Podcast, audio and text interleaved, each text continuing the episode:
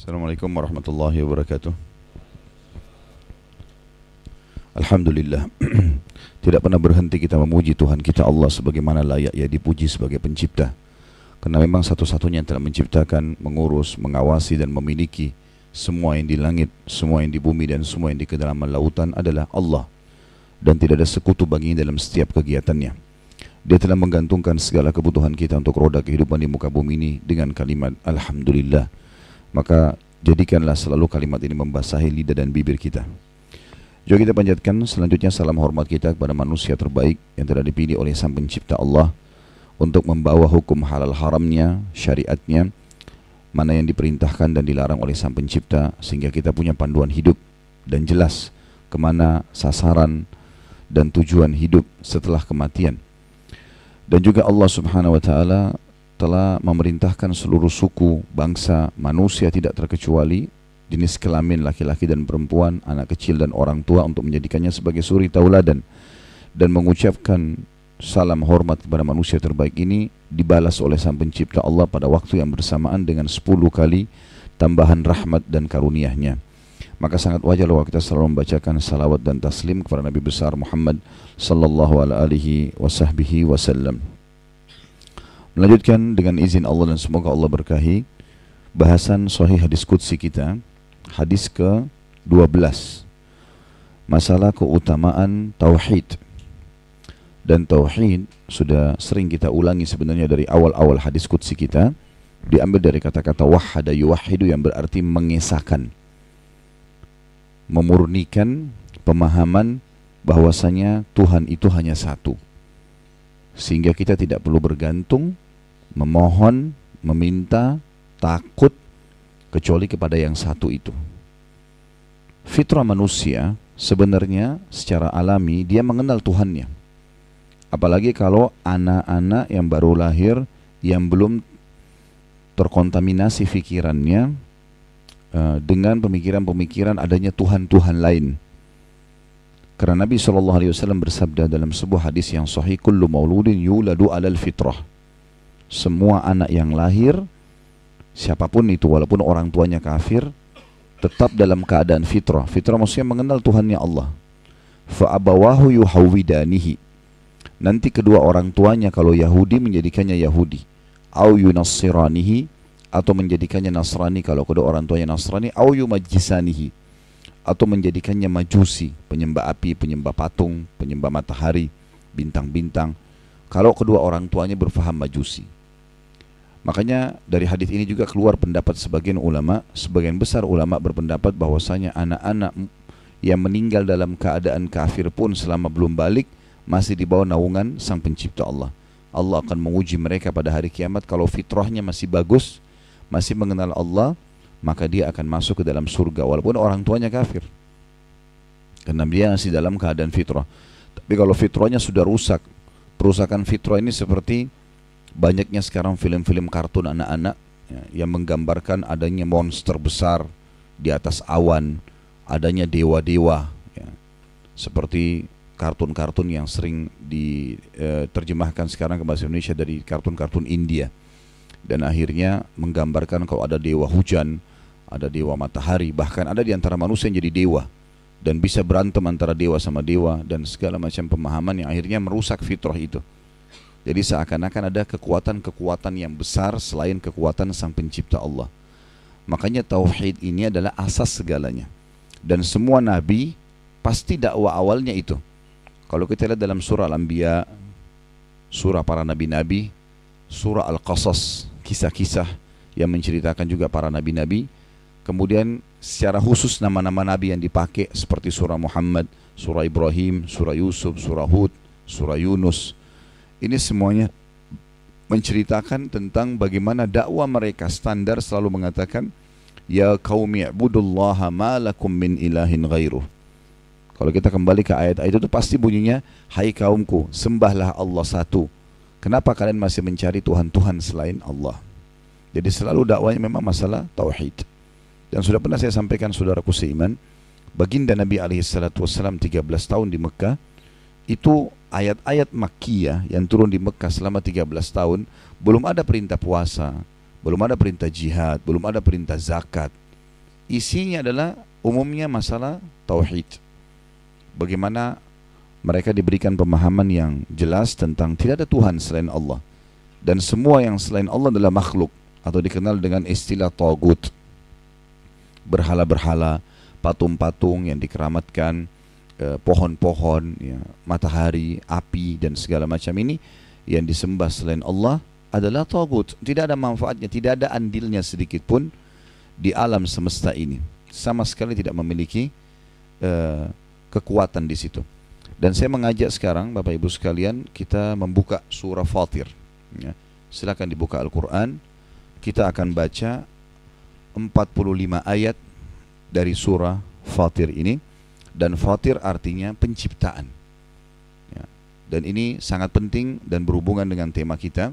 Dan kita akan lihat nanti bagaimana Allah subhanahu wa ta'ala di salah satu atau di antara ayatnya menjelaskan tentang masalah semua yang disembah selain Allah itu tidak punya andil sedikit pun di alam semesta ini.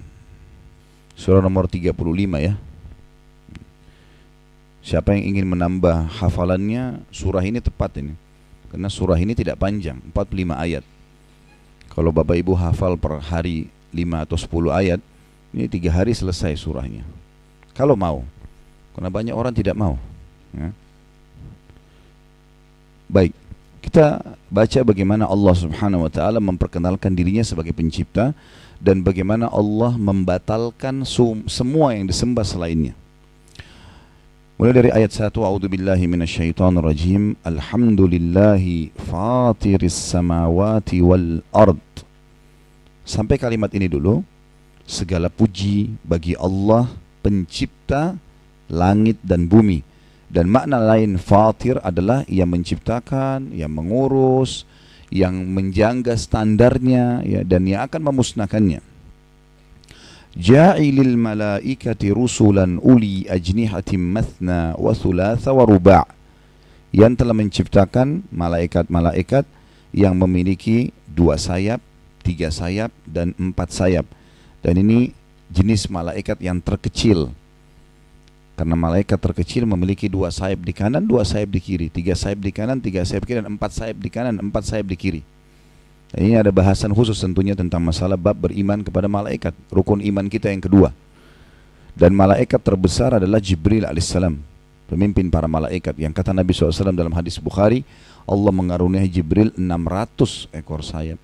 Yang kalau dia mengebaskan satu sayapnya di bumi ini, maka akan hancur bumi ini. Tentu rasionalnya kalau kita lihat burung misalnya yang terbang dengan sayap, maka yang normal, burung yang normal yang terbangnya bagus itu minimal sayapnya sepanjang tubuhnya atau lebih panjang. Ya, kalau sayapnya lebih panjang maka dia lebih mudah terbang jarak jauh. Tapi kalau kita lihat burung yang sayapnya pendek, lebih pendek dari tubuhnya, dianggap gagal ya, artinya dia tidak bisa terbang. Seperti itulah. Nah, kalau eh, dan umumnya sayap itu ada di punggung. Kata para ulama bisa dibayangkan bagaimana besarnya malaikat yang paling kecil kalau dua sayap di punggungnya yang harus seukur badannya. Gitu kan. Maka memang malaikat ini makhluk Allah yang sangat luar biasa. Tentu teman-teman kalau mau baca lebih jauh karena ini bukan yang sedang ingin titik kita titik beratkan. Kalau mau baca tentang malaikat baca dua surah. Surah nomor 77 dan surah nomor 79. Dan bisa mengikuti ceramah kami di YouTube kajian kitab Minhajul Muslim bab uh, pasal kelima di bab pertama masalah akidah beriman kepada para malaikat. Tentu sudah kita jelaskan di situ nama-namanya, kemudian tugas-tugasnya, dan itu tidak saya jelaskan sekarang karena ada beberapa hal yang ingin saya tekankan yang berhubungan dengan tema kita. Kemudian Allah mengatakan yazidu fil khalqi ma yasha. Allah menambah makhluknya dalam penciptaannya apa pun yang dia inginkan. Inna Allah ala kulli syai'in qadir. Sungguhnya Allah maha kuasa atas segala sesuatunya. Ayat keduanya, Ma yaftahillahu linnasi min rahmatin fala mumsika laha wa ma yumsik fala mursila lahu min ba'di huwal azizul hakim. Ketahuilah apa saja yang Allah anugerahkan kepada manusia berupa rahmat, rahmat karuniaHnya kebutuhan-kebutuhan kita semua ini dari udara, air, tumbuh-tumbuhan, hewan-hewan segala macam untuk roda kehidupan di muka bumi namanya rahmat juga. Maka tidak ada seorang pun yang dapat menahannya. Kalau Allah sudah mau kasih, pasti dapat. dan apa saja yang ditahan oleh Allah maka tidak seorang pun yang sanggup melepaskannya sesudah itu. Kalau Allah tidak mau turun hujan, kemarau, tidak akan pernah turun hujan. Kuasa Allah. Dan dialah yang maha perkasa, lagi maha bijaksana. Ikuti ayat demi ayat nanti akan kita akan sampai kepada poin tentang masalah tauhid karena Allah mengenalkan dirinya. Ayat ketiga, Allah panggil semua manusia tanpa terkecuali dari suku mana pun, jenis kelamin laki-laki dan perempuan, anak-anak dan orang tua. Ya ayyuhan nasu ya ayyuhan nasu dzkuru ni'matallahi 'alaikum.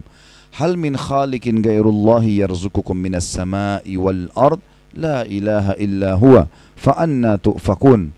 Hai manusia, ingatlah dan saya sudah pernah jelaskan kalau dalam Al-Quran kalimat ingat apa artinya? Belajarlah, ya, pelajarilah. Jadi kalau teman-teman baca terjemahan Indonesia ingatlah berarti belajarlah atau pelajarilah. Uh, ingatlah atau pelajarilah akan nikmat Allah kepada kalian semua. Adakah pencipta selain Allah yang dapat memberikan rezeki kepada kalian dari langit dan bumi? Tidak ada Tuhan selain Dia. Maka mengapa kalian berpaling dari ketauhidan Kenapa masih menganggap pohon punya kekuatan, batu punya kekuatan, air, api segala macam? Ayat keempat. Wa iyyukadzibuka faqad kudzibat rusulun min qablik wa ilallahi turja'ul umur. Jika mereka mendustakan kamu hai Muhammad, tidak mau menerima peringatan-peringatanmu tentang aku dan hukum-hukumku, maka sungguh telah didustakan pula rasul-rasul sebelum kamu dan hanya kepada Allah lah dikembalikan segala urusan. Artinya ini hiburan untuk baginda Nabi SAW bagi orang-orang Quraisy yang nolak dakwah beliau pada saat itu. Tidak usah khawatir dengan mereka, yang penting kamu sudah menyampaikan. Ya. Ayat kelima, dipanggil lagi, Ya ayyuhan nasu, inna wa'dallahi haq, fala tagurrannakumul hayatud dunya, wala yagurrannakum billahil gharur. Hai sekalian manusia, sesungguhnya janji Allah benar, yang taat dikasih surga, dikasih kebahagiaan. Yang durhaka pasti dihukum. Maka sekali-kali janganlah kehidupan dunia memperdayakan kalian dan sekali-kali janganlah syaitan yang pandai menipu memperdayakan kalian tentang Allah. Dunia ini teman-teman sekalian kita punya keterbatasan ya. Seperti misalnya badan kita hanya pakai 2-3 lembar baju. Ya. Lebih dari itu sudah mandi keringat ya. Makanan yang masuk di perut kita dua piring segelas air sudah cukup. Dan penelitian ya ada penelitian diadakan oleh sebagian ilmuwan manusia itu kalau makan apel satu buah apel atau satu buah pisang sudah cukup untuk hidup sehari dengan minum segelas air. Ya, jadi potensi kita sebenarnya untuk mengkonsumsi kecil sekali. Begitu pula kalau kita tidur satu kali dua meter ranjangnya. Walaupun ranjang kita besar dua kali dua meter empat kali empat meter tetap aja ukuran kita satu kali dua meter. Ya. Kita berguling ke sana ya ukuran kita itu, kita berguling ke sini ya ukuran kita itu. Dan seterusnya, menggunakan tas misalnya, ibu-ibu kalau pakai tas, paling satu, walaupun tasnya sepuluh, masa sepuluh sepuluhnya semua dipakai, kan nggak mungkin. Jadi pemandangannya nggak bagus gitu kan. Artinya potensi untuk menikmati dunia ada tapi kecil. Lalu untuk apa berebut-rebutan masalah dunia nih? Toh juga kalau kita meninggal nggak ada yang dibawa, hilang semua itu merek-mereknya. Gitu. Orang cuma mengenang, oh ini sepatunya si fulan, oh ini sendalnya si fulan, oh ini mobilnya si fulan. Allah ingatkan, boleh nikmati tapi hati-hati. Jangan membuat kalian lalai tentang kehidupan abadi yang ada di sana. Ya, karena sebagaimana dunia ini ada, kita bisa melihat sekarang, kita bisa berbicara. Akhirat ada sebagaimana ini ada. Bagaimana kita bisa yakini sekarang kita bisa hidup di sini lalu kita tidak yakin ada kehidupan di akhirat? Dan tidak semua apa yang tidak terjangkau oleh mata kita tidak ada. Bukankah kita bisa rasa sakit, senang, sedih, ngantuk, lapar tapi nggak kelihatan. Tidak semuanya yang tidak nampak dengan mata itu tidak ada. Banyak hal yang bisa kita rasakan di sekitar kita gitu. Maka kata para ulama sebagaimana kehidupan dunia sekarang manusia bisa rasakan, berarti di sana juga akan ada. Sebagaimana Allah ciptakan ini di sana juga ada. Dan Allah selalu hubungkan masalah itu dan Allah selalu katakan akhirat walal akhiratu khairu wa abqa. Kehidupan akhirat jauh lebih baik dan dalam ayat juga dikatakan jangan kehidupan dunia membuat kalian lalai dari ketaatan-ketaatan, melanggar-melanggar melanggar hukum-hukum Allah. Dan terutama syaitan. Jadikan dia sebagai musuh. Dan syaitan sudah pernah kita jelaskan memang dia ada di sekitar kita banyak ya dan yang ada mendamping kita namanya korin. Di sebelah kiri kita semua ada syaitan pendamping. Dan semua bisikan untuk bermaksiat kepada Allah dari korin, syaitan. Sebagaimana sabda Nabi SAW, kalau kalian terkaget di malam hari, maka malaikat pendamping kalian akan berkata, sholatlah. Gitu kan? Ya, kita bangun biasanya dibisikkan di benak kita, sholat tahajud nih. Jam 2, jam 3.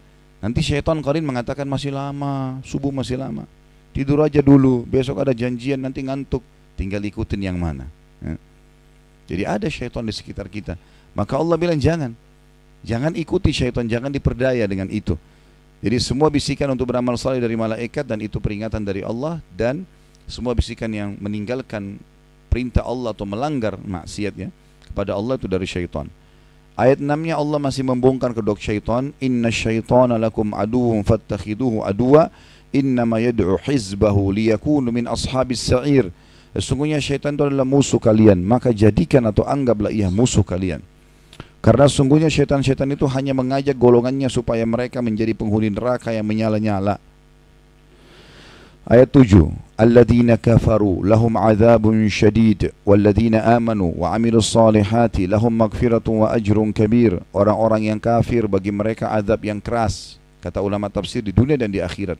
Susah berbagai macam cobaan yang berat dalam hidupnya. Dan orang-orang beriman dan beramal saleh mereka diberikan ampunan kalau mereka punya salah dan akan diberikan balasan yang besar kalau mereka berbuat kebaikan. Ayat 8, "Afaman zuyyina lahu su'u 'amalihi fara'ahu hasana fa inna Allah yudhillu man yasha wa yahdi man yasha fala tadhhab nafsuka 'alaihim hasarat inna Allah 'alimun bima yasna'un." Maka apakah orang yang dijadikan syaitan menganggap baik pekerjaannya yang buruk lalu dia meyakini pekerjaan itu baik sama dengan orang yang tidak ditipu oleh syaitan, tidak mau ikuti syaitan, ya. Syaitan membisikkan itu tidak sholat subuh di masjid, dia tetap pergi. Syaitan membisikkan itu tidak sedekah, tetap dia sedekah. Syaitan bisikkan supaya tidak puasa, tetap dia berpuasa. Maka tentu beda antara orang yang mengikuti syaitan dengan tidak. Maka sesungguhnya Allah menyesatkan siapa yang dikehendakinya dan menunjuki siapa yang dikehendakinya. Maka janganlah dirimu binasa karena kesedihan terhadap mereka. Sesungguhnya Allah maha mengetahui apa yang mereka perbuat. Sekarang mulai Allah Subhanahu wa taala memperkenalkan dirinya lebih dalam ayat 9. Wallahu alladhi arsala ar-riyaha fatuthiru sahaba fatuthiru sahaban fasuqnahu ila baladin mayyitin fa ahyayna bihi al-ardha ba'da mautiha. Kadzalika an-nusyur. Dan Allah lah dan Allah dialah yang mengirimkan angin yang kita bisa rasakan hembusannya Termasuk AC di ruangan ini sebenarnya diambil dari udara luar gitu kan. Angin yang datang. Lalu angin itu menggerakkan awan, maka kami halau awan itu ke suatu negeri yang mati. Kering, tandus, lalu kami hidupkan bumi itu setelah matinya dengan hujan. Demikianlah kebangkitan itu. Momen seperti ini tidak pernah ada yang mengaku. Satu pun tidak pernah ada yang mengatakan hujan dia yang ciptakan atau dia yang buat di kalangan manusia atau di, apalagi kalau di kalangan hewan-hewan gitu kan atau tumbuh-tumbuhan semua kalau turun hujan kena airnya ya. kemudian ayat 10 man kana yuridul izzata falillahil izzatu jami'a ilaihi yas'adul kalimut tayyib wal amalus salih yarfa'uh والذين يمكرون السيئات لهم عذاب شديد ومكر أولئك هو يبور Barang siapa yang menghendaki kemuliaan mau bahagia, mau punya kedudukan, mau punya nama baik, maka ketahuilah bagi Allah lah kemuliaan itu semua. Hanya minta kepada Allah, ikuti hukumnya akan dapat kemuliaan. Kepadanya lah naik perkataan-perkataan yang baik dan amal soleh dinaikkan. Maksudnya dilaporkan kepada Allah. Kalau teman-teman baca tadi surat 77 dan 79 dijelaskan itu tentang bagaimana, bagaimana malaikat naik turun untuk melaporkan amal-amal saleh kepada Allah SWT. Sementara amal-amal buruk tentunya tidak dinaikkan ke langit. Dosa-dosa tidak dinaikkan, ditolak. Ya. Di langit ditutup sehingga tidak ada yang naik ke langit kecuali kebaikan saja. Dan orang-orang yang merencanakan kejahatan bagi mereka azab yang keras dan rencana jahat mereka pasti hancur. Maksudnya adalah tidak akan pernah ada rencana buruk dari seseorang manusia di muka bumi kecuali Allah bongkar. Nggak akan pernah ada yang tertutup, mustahil. Kalau teman-teman mau menganggap dirinya hebat baru rekayasa sesuatu kebongkar. Tidak usah main-main dengan Allah udah. Pasti dibongkar. Bahkan ulama mengatakan baik atau buruk semuanya dibongkar oleh Allah. Kalau kebaikan dibongkar dengan caranya Allah untuk jadi pelajaran bagi orang lain. Terutama kalau orang soleh itu sudah meninggal. Dan kalau keburukan dibongkar juga sama Allah dengan caranya. Ada orang telah mencuri harta mungkin 10 tahun tidak ada yang tahu. Tapi akhirnya Allah bongkar. Makin lama maka makin berat hukumannya. Kalau dari hari-hari pertama mungkin masih muda. Pencuri pertama Allah berikan peringatan dengan dilihat dulu. Dia sempat lari. Allah sudah berikan peringatan. Ternyata dia ulangi lagi. Ketangkap kalau masih lolos pun Allah dia masih ulangi lagi Allah buat sekalian digebukin oleh orang-orang. Ya. Sampai ulama mengatakan di, di, di, digebukinnya perampok pun itu adalah kasih sayang Allah kepada dia karena kalau tidak digebukin tidak berhenti berhenti mencuri. Padahal sebelumnya peringatan-peringatan banyak ya, dari sang pencipta Allah untuk berhenti. Allah kenalkan lagi dirinya. Wallahu khalaqakum min turabin thumma min nutfatin thumma ja'alakum azwaja. Wa ma tahmilu min untha wa la tad'u illa bi'ilmih. Wa ma yu'ammaru min mu'ammarin wa la yunqasu min umrihi illa fi kitab. Inna dhalika 'ala Allahi yasir. Dan Allah lah yang telah menciptakan kalian semua dari tanah. Adam alaihissalam dari tanah diciptakan kemudian dari air mani anak keturunannya semua dari mani. Semua kita ini dari air sperma air, air mani kemudian dia menjadikan kalian berpasang-pasangan menikah azwaja laki-laki dan perempuan punya kecenderungan. Dan tidak ada seorang perempuan pun yang mengandung hamil dan tidak pula melahirkan melainkan dengan sepengetahuannya. Dan sekali-kali tidak dipanjangkan umur seseorang dan yang berumur panjang dan tidak pula dikurangi umurnya melainkan sudah ditetapkan dalam kitab Lauhil Mahfud ada di atas langit sana. Sesungguhnya demikian itu bagi Allah sangat mudah. Allah ajak lagi kita berpikir وما يستوي البحران هذا عذب فرات سائغ شرابه وهذا ملح أجاج ومن كل تأكلون لحما طريا وتستخرجون حلية تلبسونها وترى الفلك فيه مواخر لتبتغوا من فضله ولعلكم تشكرون dan tidak mungkin sama antara dua lautan. Yang ini tawar, segar, sedap diminum airnya dan yang lain asin lagi pahit. Tentu tidak asing bagi teman-teman ya, sudah sering uh, kita bisa lihat di YouTube sekarang, bahkan sekarang uh, beberapa pekan yang lalu saya dapat juga ada sharing lagi dari teman-teman di Timur Tengah, ada sebagian orang yang mengambil dengan HP-nya di uh, kapal yang memang melewatin dua lautan ini ya. Satu tawar, satu asin, tapi tidak bercampur airnya. Dan Allah sebutkan dalam Al-Quran 1400 tahun yang lalu. Manusia baru temukan sekarang gitu ya. Dan dari masing-masing lautan itu yang tawar dan yang asin, sungai itu pun lautan, kamu dapat atau kalian dapat memakan daging yang segar darinya. Udang kah, cumi kah, ikan kah, segala macam. Dan kalian dapat mengeluarkan perhiasan yang dapat kalian memakainya. Dan pada masing-masing juga kalian lihat kapal-kapal berlayar membelah laut supaya kalian dapat mencari karuniahnya dan supaya kalian bersyukur. Ada orang yang bisa mengaku ini?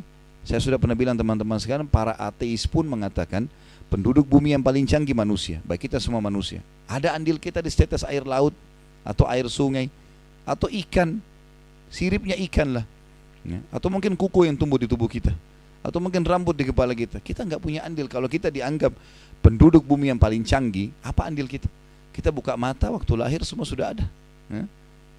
Tinggal haus, minum, makan, lapar, gitu kan ada masalah tinggal mengeluh, berkeluh kesah sama teman-temannya. Semua sudah ada nih. Ya. Dan berbahagialah orang yang bisa memahami masalah itu. Kalau sebenarnya dia punya Tuhan. Dan tidak ada panduan hidup yang terbaik kecuali kembali kepada ajaran sang pencipta Allah. Lalu Allah bilang lagi, setelah mengajak kita berpikir tentang ciptaan kita, tentang lautan, sekarang Allah ajak lagi tentang fenomena siang dan malam. Yulijul laila fin nahari wa yulijun nahara fil laili wa sakhara syamsa wal qamar. وسخر الشمس والقمر كل يجري لأجل مسمى ذلكم الله ربكم له الملك والذين تدعون من دونه ما يملكون من كتمير Perhatikan baik-baik ayat 13 ini. Dialah yang telah memasukkan malam ke dalam siang dan memasukkan siang ke dalam malam dan menundukkan matahari juga bulan. Artinya matahari selalu terbit pagi, malam hari terbenam bulan yang ada kelihatan. Tiap saat. Siapa yang atur itu? Lampu di rumah kita kira-kira kalau nggak ada yang pencet listriknya bisa nyala tiba-tiba? Kan ada yang pencet, ada yang matiin. Harus ada yang atur ini.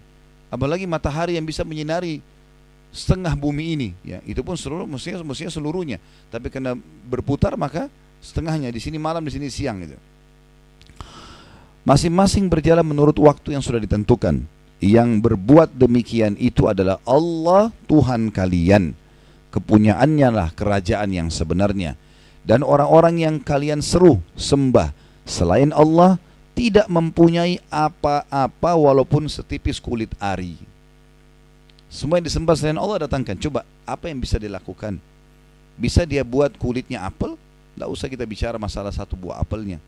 Bagaimana dengan apel yang miliaran jumlahnya, semua bentuknya yang merah, yang merah, yang ini, yang ini rasanya sama. Dari mana semua itu kalau tidak ada pencipta? Kemudian selanjutnya, ayat 14 Allah membatalkan semua selain Tuhan yang disembah, ya, selainnya in tad'uuhum la yasma'u du'aakum walau sami'u mastajabu lakum wa yawmal qiyamati yakfuruna bisyirkikum wala yunabbi'uka mithlu khabir dan jika kalian menyeru mereka patung ka pohon ka api ka apa saja kalau kalian suruh mereka tidak mendengar seruan kalian. Dan kalaupun mereka mendengar mereka tidak dapat memperkenankan permintaan kalian. Dan di hari kiamat pada saat dibangkitkan mereka semua akan mengingkari kemusyrikan kalian itu. Maksudnya kalian menjadikan sekutu mereka dengan Allah.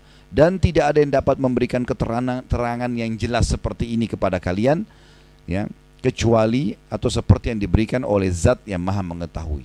Ini Allah yang sampaikan. Ini cuma melalui lisan saya Bapak Ibu sekalian. Allah sedang menyampaikan ke Bapak Ibu pagi ini. Nah, kami tugasnya cuma menyampaikan ya, seperti petugas kerajaan. Kadang-kadang saya bilang sama teman-teman ditanya Ustadz kerjanya apa selain mengajar Saya bilang saya pegawai kerajaan ya. Kerajaan langit ini Tidak ya. pernah, tidak akan pernah bisa dikudeta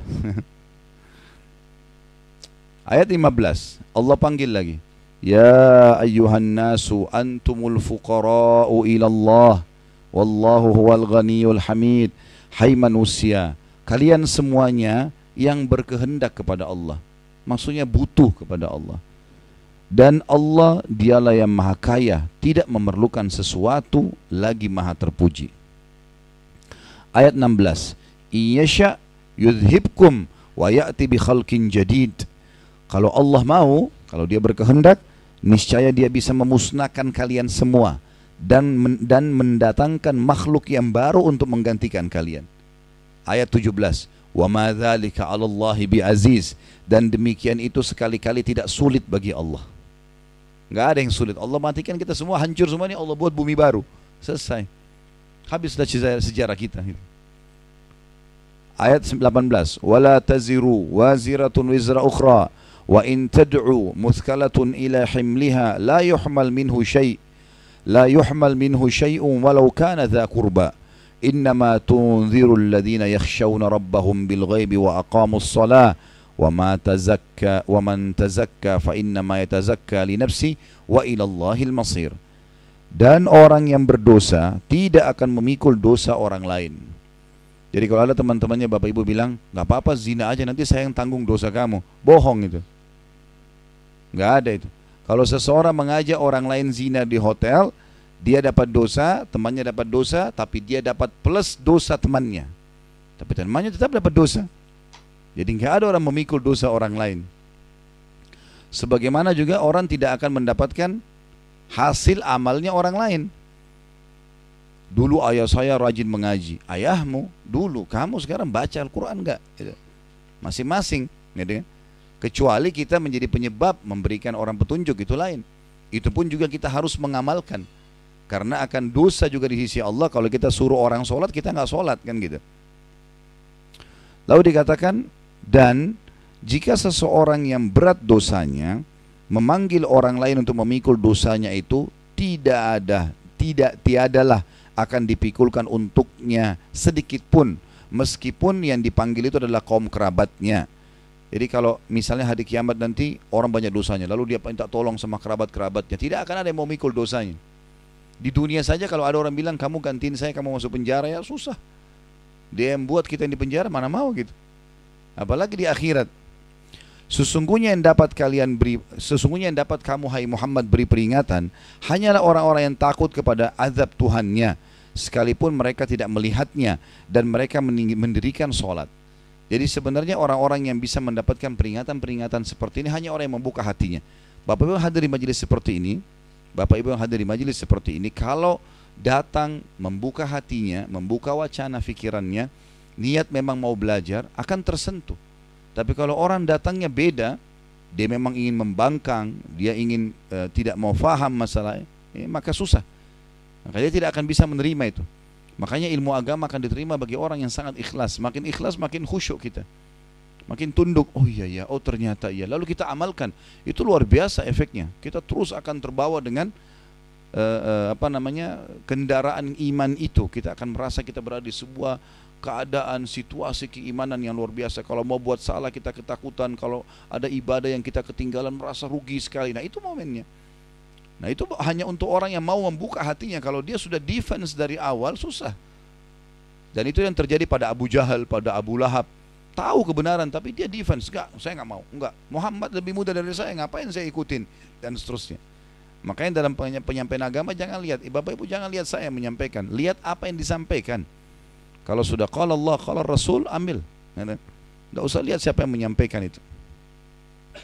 Lalu dikatakan dan barang siapa yang mensucikan dirinya, maksudnya di sini mensucikan adalah dia mau belajar agama sehingga dia tahu mana yang bisa membersihkan dosa-dosanya, mana yang bisa memudahkan dia melakukan ketaatan. Itu namanya mensucikan diri.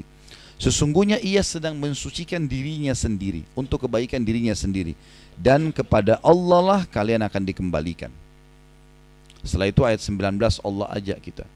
Artinya di sini Allah membuka wacana kita, wa ma yastawil a'ma wal basir. Tidak akan pernah sama antara orang buta dan melihat. Ayat 20, wala dhulumati wala dhulumatu wala nur, tidak akan pernah sama gelap gulita dengan cahaya. Ayat 21, wala dhillu wala harur dan tidak akan pernah sama teduhan dengan yang panas. Wa ma yastawil ahya wal amwat, innallaha yusmi'u man yasha' wa ma anta bimusmi'in man fil kubur dan tidak pula sama antara orang-orang hidup dan orang-orang yang sudah mati sesungguhnya Allah memberi pendengaran kepada siapa yang dikehendakinya dan kalian sekali-kali tidak sanggup menjadikan orang yang di dalam kubur dapat mendengar Artinya di sini Allah SWT mengatakan orang yang mau belajar agama, mau menerimanya, seperti orang yang melihat dan orang buta. Tidak akan pernah sama. Bapak Ibu belajar agama lalu tahu kemudian amalkan sholat, amalkan puasa. Masa sama dengan orang pinggir jalan yang tidak mau belajar agama? Atau sama dengan orang yang terus bergurumur dosa di diskotik, di bar tiap malam berzina? Beda lah, nggak mungkin sama. Sebagaimana nggak mungkin sama antara gelap sama terang sama gelap, nggak mungkin sama. Tidak akan mungkin sama orang hidup dan orang mati. Kemudian juga di sini ada potongan ayat yang penting, kata Allah, dan sesungguhnya Allah memberi pendengaran kepada siapa yang dikehendakinya kata ulama adalah Allah akan menyampaikan di telinga oh hamba-hambanya yang memang mau menerima syariatnya. Sebagaimana sudah saya jelaskan tadi. Jadi kalau Bapak Ibu membuka diri maka akan sampai ke dalam hati kita itu. Dan juga kalimat penting di sini dari sang pencipta Allah pesannya dan sesungguhnya kalian sama sa, uh, kalian sekali-kali tidak akan sanggup menjadikan orang yang dalam kuburan dapat mendengar. Kenapa disinggung ini masa Allah SWT? Karena banyak manusia menganggap kuburan hidup batunya bisa diambil, tanahnya bisa diambil, yang di dalamnya bisa memberikan syafaat atau pertolongan kepada dia, minta keberkahan di kuburan. Dari mana semua ini?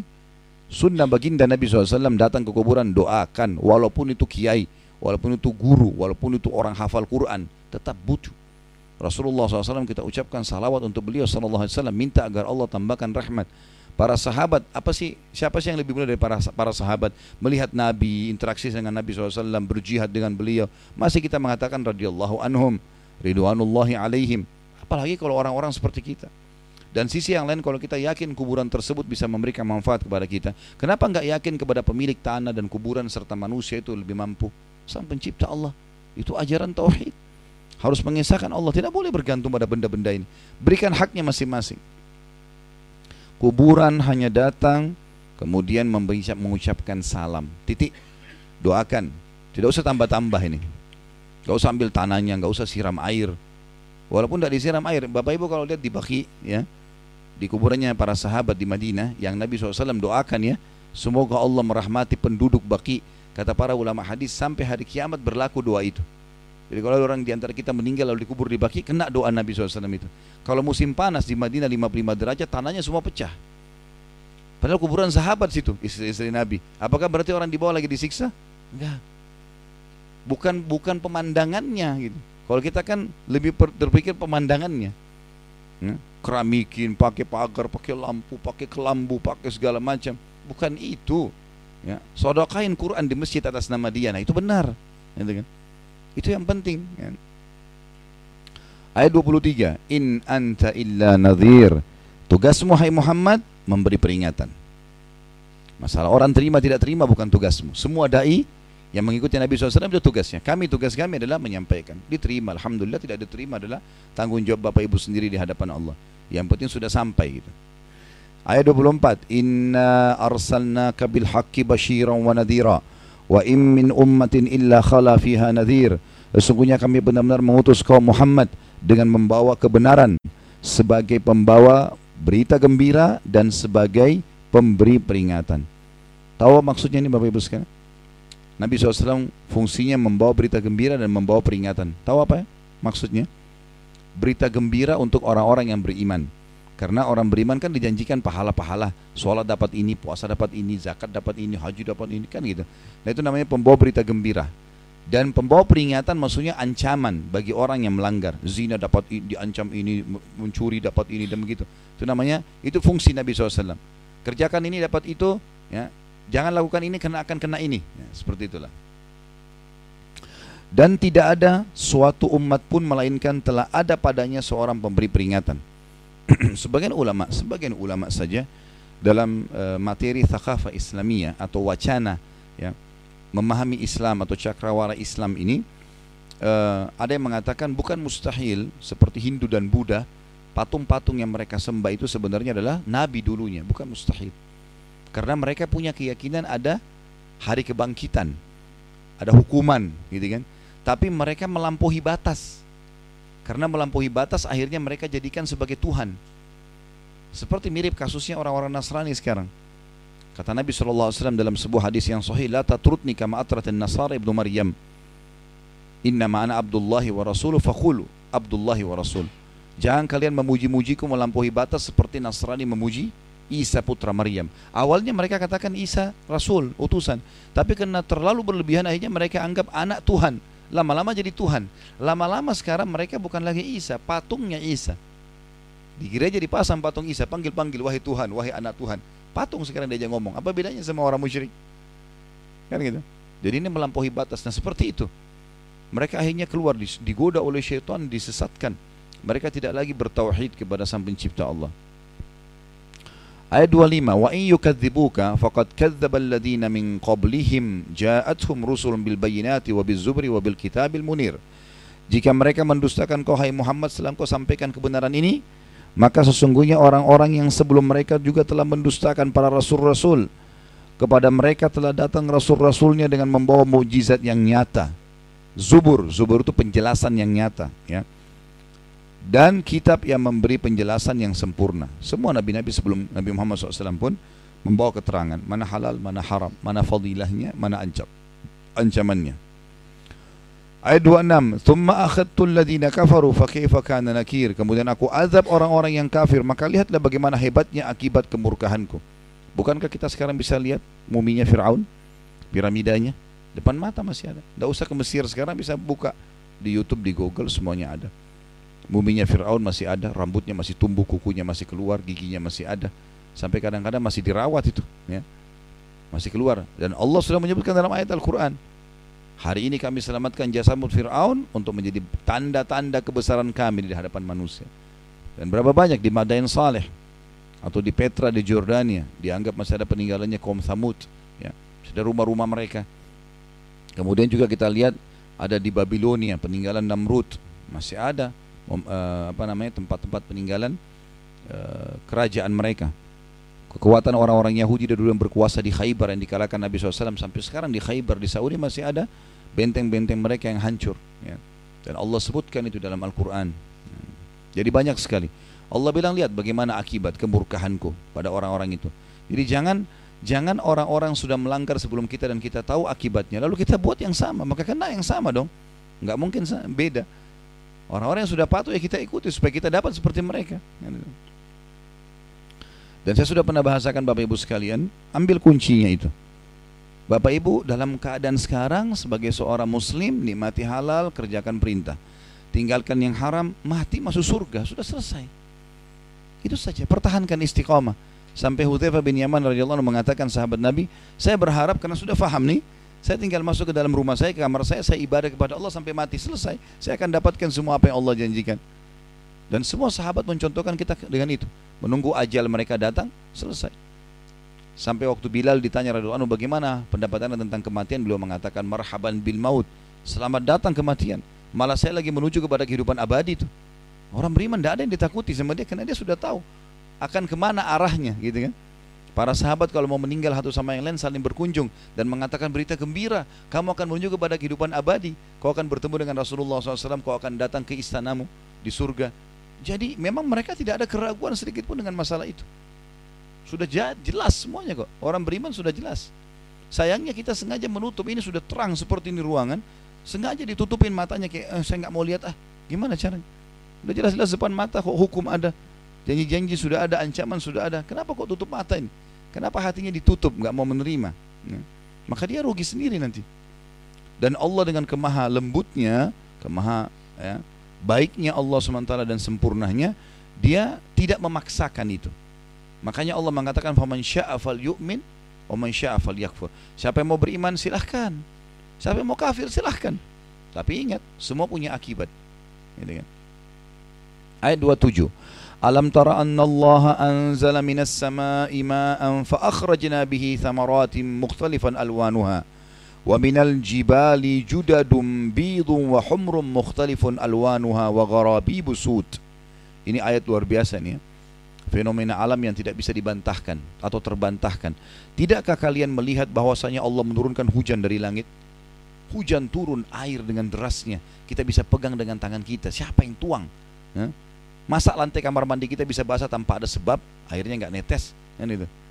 Ini jelas depan mata, hujan turun membasahi mobil kita, rumah kita, tanaman-tanaman di depan kita semuanya. Allah bilang, tidakkah kalian melihat bagaimana Allah menurunkan hujan dari langit, lalu kami hasilkan dengan hujan itu buah-buahan yang beraneka ragam macamnya, jenisnya. Ya. Ada anggur, ada apel, ada e, pepaya, ada durian, ada segala macam.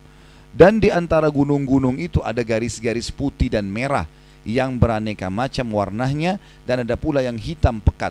Allah ceritakan tentang masalah gunung. Saya waktu itu sempat dapat beberapa foto di Cina kalau nggak salah ya ada gunung-gunung yang kelihatan jelas garis-garisnya merah putih ya.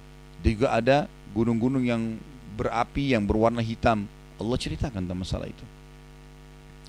Kemudian ayat 28, "Wa minan nasi wad dawabi wal an'ami mukhtalifun alwanuhu kadzalik."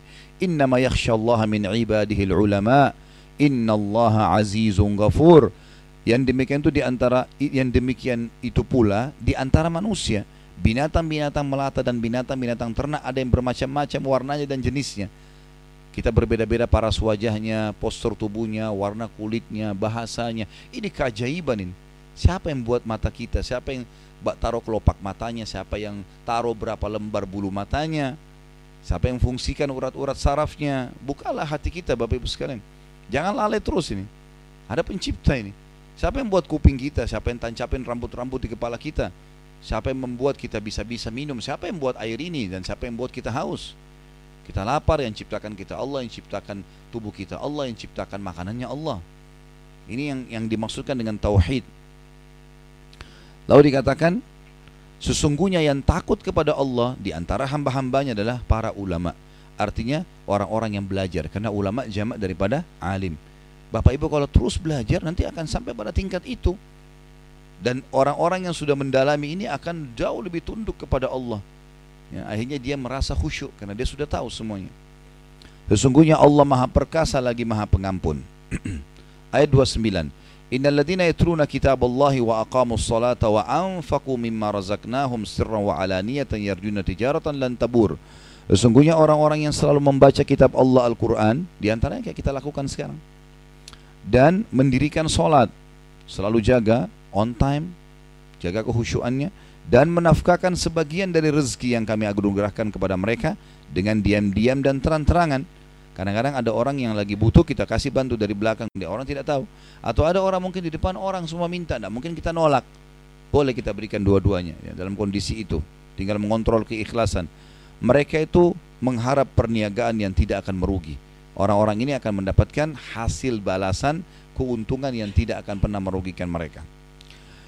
Ayat 30 liyawfiyahum liyawfiyahum ujurahum wa yazidahum min fadli innahu ghafurun syakur agar Allah menyempurnakan kepada mereka pahala mereka dan menambah kepada mereka dari karunia-Nya. Sungguhnya Allah Maha Pengampun lagi Maha Mensyukuri. Allah tahu menilai kadar perbuatan hambanya. Ayat 31.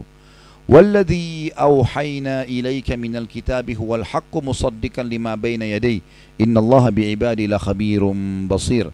Dan apa yang telah kami wahyukan kepada Muhammad yaitu Alkitab atau Al-Quran itulah yang benar tinggal baca ikuti isinya Dengan membenarkan kitab-kitab sebelumnya, sesungguhnya Allah benar-benar maha mengetahui lagi maha melihat keadaan hamba-hambanya. ثم أورثنا الكتاب الذين اصطفينا من عبادنا فمنهم ظالم لنفسه ومنهم مقتصد ومنهم سابق بالخيرات بإذن الله ذلك هو الفضل الكبير Kemudian kitab itu kami wariskan kepada orang-orang yang kami pilih di antara hamba-hamba kami. Lalu di antara mereka ada yang menganiaya diri mereka sendiri. Ya. Dan di antara mereka ada yang pertengahan dan di antara mereka ada yang lebih dahulu berbuat kebaikan dengan izin Allah. Yang demikian itu adalah karunia yang amat besar. Jadi hamba-hamba Allah terbagi-bagi. Ada yang memang terima peringatan, amalin. Dan terus istiqamah. Ini yang terbaik. Ada orang yang pertengahan, ada orang yang malas. Ya. Balasannya adalah jannatu adni yadkhulunaha yuhallawna fiha min asawira min dhahabin wa lu'lu'a wa fiha harir. Yang patuh, yang taat akan dibagi bagi mereka surga Aden pada saat meninggal. Mereka masuk ke dalamnya. Di dalamnya mereka diberi perhiasan dari gelang dengan gelang-gelang dari emas dan dengan mutiara dan pakaian mereka di dalamnya adalah sutra. Ayat selanjutnya tentu saya sudah tidak sebutkan nomor ayatnya tapi ini ayat 34. Wa qalu alhamdulillahilladzi adhhaba 'anna al-hazan inna rabbana laghafurun syakur. Maksud saya tadi ayat-ayat sebelumnya saya tidak sebutkan nomor dan mereka berkata, segala puji bagi Allah, orang-orang yang masuk surga nanti. Mereka akan berkata, segala puji bagi Allah yang telah menghilangkan duka cita dari kami. Sesungguhnya Tuhan kami benar-benar maha pengampun lagi maha mensyukuri. Insya Allah mudah-mudahan kita termasuk ini orang-orang yang mati masuk surga karena ketaatannya maka mereka akan mengucapkan ini dari lisannya alladhi ahallana daral muqamati min fadlihi la yamassuna fiha nasabun wa la yamassuna fiha lugub yang menempatkan kami dalam tempat yang kekal atau surga dari karunia-Nya di dalamnya kami tidak merasa lelah dan tidak pula merasa lesu Nah, sudah pernah saya jelaskan di surga tidak ada lagi masa tua, tidak ada capek, tidak ada keringat, eh, maaf, tidak ada lapar, tidak ada haus, tidak ada buang air besar, tidak ada buang air kecil, ya. Semua kenikmatan. Sementara orang-orang yang kafir, orang yang durhaka, ayat 36 berbunyi, والذين كفروا لهم نار جهنم لا يقضى عليهم فيموتوا ولا يخفف عنهم من عذابها Kadzalika najzi kulla kafur. Sementara orang-orang yang kafir bagi mereka neraka jahanam. Mereka tidak dibinasakan sehingga mereka mati dan tidak pula diringankan dari mereka azabnya. Demikianlah kami membalas setiap orang-orang yang kafir. Jadi kalau ada orang yang dikebukin ya, sekali dipukul sakit, dua kali dipukul sakit, makin lama makin sakit ya. Maka di neraka seperti itu, tapi neraka tidak ada berhenti. Karena malaikat yang menghukum tidak pernah capek, ya, dan kemudian juga siksaan tidak pernah berhenti dan tidak ada kematian. Jadi kebodohan kalau orang mengatakan tidak apa-apa saya masuk neraka dulu nanti baru masuk surga. Ada orang begitu. Kenapa kamu nggak tobat? Nggak apa-apa kan orang Islam bisa masuk surga nantinya. Iya, tapi dibakar dulu. Hah? Mau tes api neraka, pakai korek gas aja dulu jarinya. Tahan nggak? Bakar 10 detik. Sudah panas tangannya, satu menit mateng tuh tangan. Ya. Udah sakit, bisa harus operasi, demam sekian bulan. Ya. Bagaimana kalau seluruh tubuhnya dibakar? Dan dosa ini juga siksaan teman-teman bukan untuk dites. Misal gini, ugal-ugalan pakai motor dia tahu kalau jatuh luka sebenarnya. Tidak usah tunggu jatuh baru mau sadar. Tidak usah dicoba itu luka. Ya, jalan aja baik-baik selesai. Jadi tidak usah dicoba pelanggaran-pelanggaran atau ancaman-ancaman atau hukuman tidak usah. Penjara walaupun nomor satu nggak usah dicoba. Gak usah dicoba. Pernah ada seorang teman saya datang, sedikit selingan saja, teman saya datang dari Saudi, kemudian ke Makassar waktu itu, saya bawa keliling-keliling, lalu saya jelaskan sama dia, kebetulan memang lewat di rumah sakit yang bagus gitu, dan setelahnya ada penjara yang nomor satu. Saya bilang sama dia, ini rumah sakit nomor satu, itu penjara nomor satu. Dia bilang, Khalid tolong, khusus dua tempat ini jangan sebutin buat saya, walaupun nomor satu. mau rumah sakit ataupun mau penjara gitu. Artinya coba berusaha untuk tidak usah dicoba. Untuk apa dicoba? Ya. Jadi orang baik selesai. Ya. Dikatakan di sini saya ulangi kembali dan orang-orang kafir bagi mereka neraka jahanam mereka tidak dibinasakan artinya tidak mati sehingga hidup dan merasakan terus sakit itu sehingga mereka ya mati, mereka tidak dibinasakan sehingga mati dan tidak pula diringankan dari mereka azabnya. Demikianlah kami membalas setiap orang-orang kafir. Kita tahu kalau ada orang di penjara kalau 10 tahun misalnya makin makin lama dia di situ misalnya sudah lima tahun sudah enam tahun kan makin ringan ya hukuman ya. Nah, dianggap dia sudah apalagi kalau dia baik maka mungkin bisa keluar. Kalau neraka enggak. Sampai detik terakhir siksaannya sama waktu seperti waktu awal masuk ya. enggak ada bedanya. Enggak diringankan siksaannya. Ayat 37 wahum yastarikhuna fiha. Rabbana akhrijna na'mal salihan ghaira alladhi kunna na'mal awalam nu'ammirkum ma yatadhakkaru fihi man tadhakkara wa nadhir fadhuku fama lidh-dhalimin min nasir dan mereka berteriak-teriak di dalam neraka jahanam ya Tuhan kami keluarkanlah kami niscaya kami akan mengerjakan amal saleh berlainan dengan apa yang telah kami kerjakan. Allah sudah bongkar buat kita sekarang apa yang nanti mereka ucapin di sana. Jangan jadi pengucap kalimat ini di neraka ingat Orang-orang cerdas yang sampai pada kupingnya, telinganya seperti Bapak sekarang ngambil, ambil pelajaran dan berubah. Itu orang yang cerdas. Jangan cuma dianggap engah nih, biasa masuk telinga kanan keluar tinggal kiri. Tidak, harus ditahan. Ya. Mereka akan berkata tuh, ya Tuhan kami, keluarkan kami, niscaya kami akan mengerjakan amal saleh berlainan dengan yang telah kami kerjakan dulu, maksudnya maksiatnya. Dan Allah menjawab, apakah kami tidak memanjangkan umurmu atau umur kalian dalam masa yang cukup untuk berfikir bagi orang-orang yang mau berfikir. Dan apakah tidak datang kepadamu kepada kepada kalian pemberi peringatan? Bukankah sudah ada dai-dai ada ustad-ustad ada buku Quran terjemahan ada banyak buku-buku? Maka rasakanlah azab kami dan tidak ada bagi orang-orang yang zalim seorang penolong pun. Khusus masalah tafsir ayat 36 ini ulama mengatakan ada hadis Nabi SAW yang berbunyi nanti penghuni neraka dirincikan oleh para ulama diambil dari hadis Nabi SAW bunyi hadisnya dulu begini Kata Nabi SAW nanti di neraka penghuni neraka akan memanggil para malaikat penjaga neraka. Ya. Kemudian para penjaga neraka ini tidak menjawab mereka selama 40 tahun.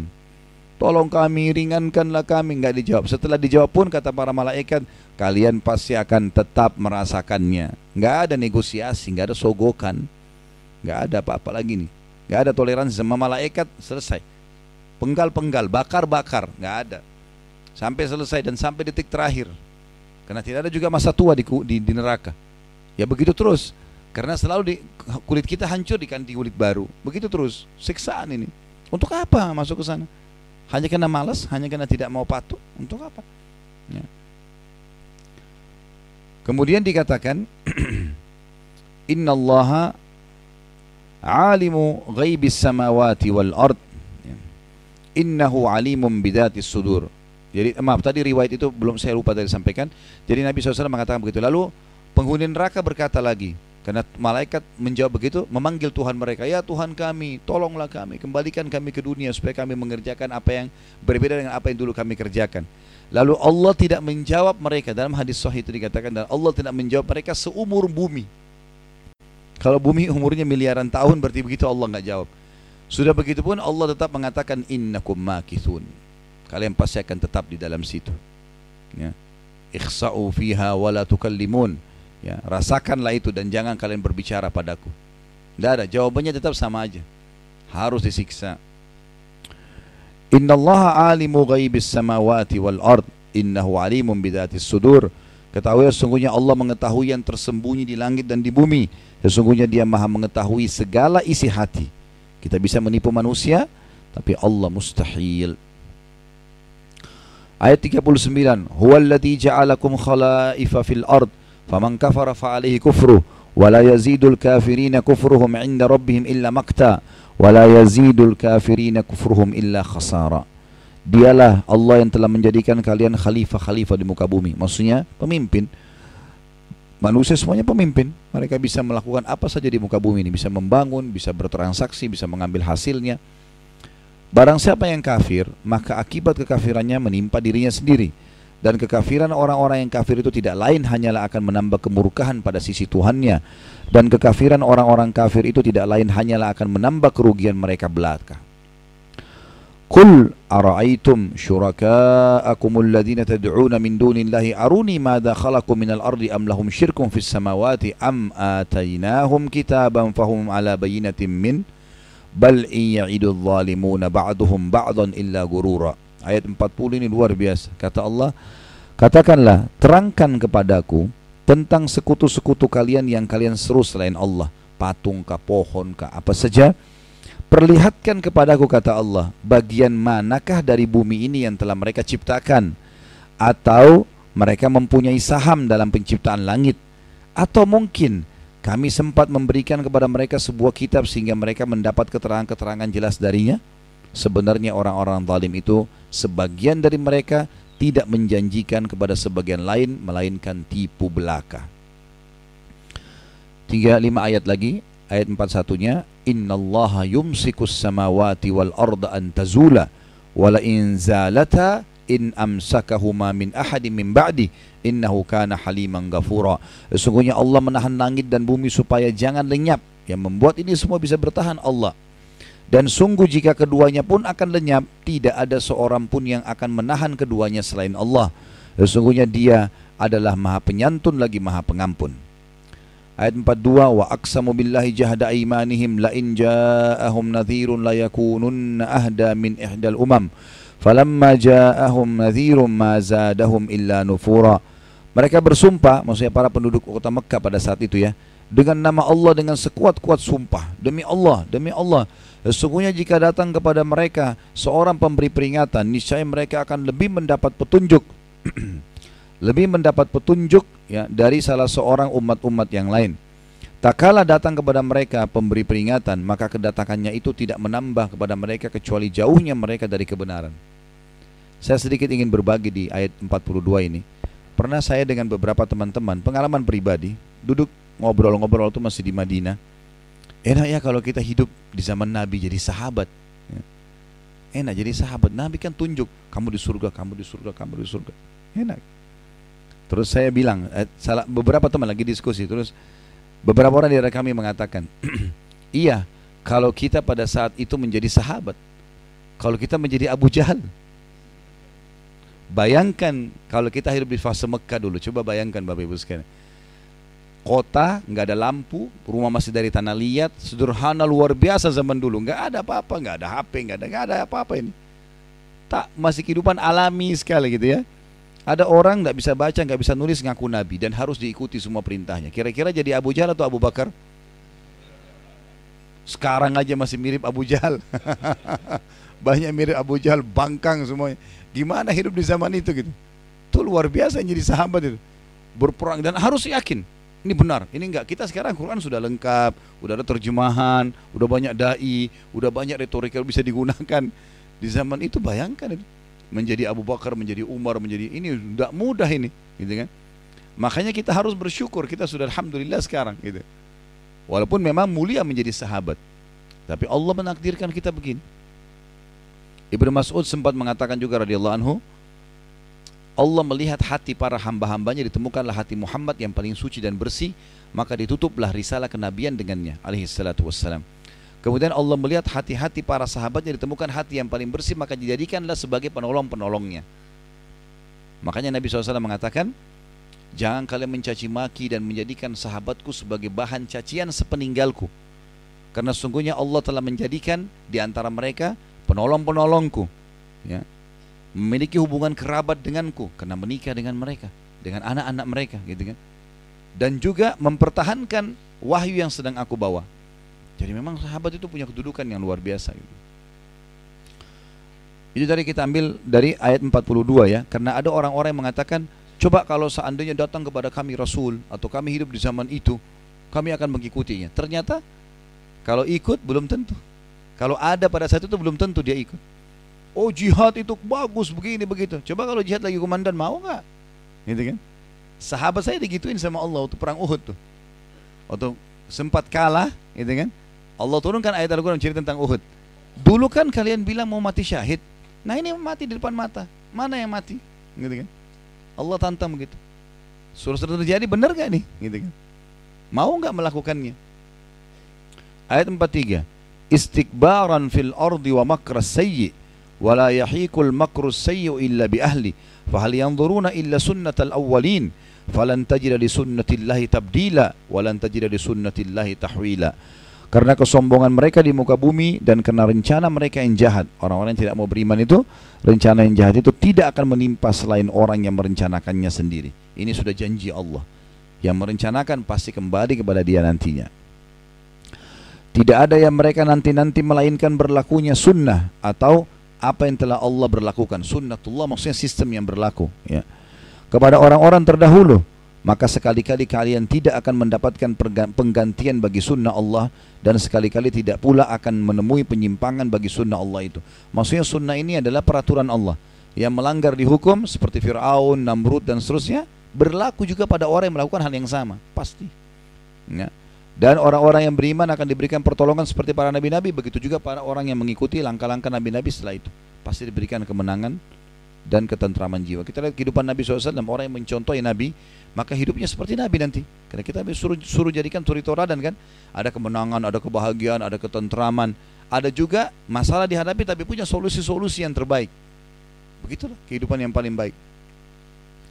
Ayat 44, dua ayat terakhir Awalam yasiru fil ardi fayanzuru kaifa kana akibatul ladina min qablihim wa kanu ashadda minhum quwwah وما كان الله ليعجزه من شيء في السماوات ولا في الأرض إنه كان عليما قديرا dan apakah mereka tidak berjalan di muka bumi lalu mereka lalu melihat bagaimana kesudahan orang-orang yang sebelum mereka sedangkan orang-orang itu adalah lebih besar kekuatannya daripada mereka Fir'aun dan grupnya dan seterusnya yang lain-lain ini dan tidak sesuatu pun yang dapat melemahkan Allah baik di langit maupun di bumi sesungguhnya Allah maha mengetahui lagi maha kuasa ayat 45 dan ayat terakhir adalah ولو يؤاخذ الله الناس بما كسبوا ما ترك على ظهرها من دابة ما ترك على ظهرها من دابة ولكن يؤخرهم إلى أجل مسمى فإذا جاء أجلهم فإن الله كان بعباده بصيرا ini bentuk rahmatnya Allah kepada kita semua dan kalau sekiranya Allah menyiksa manusia disebabkan usahanya perbuatan-perbuatannya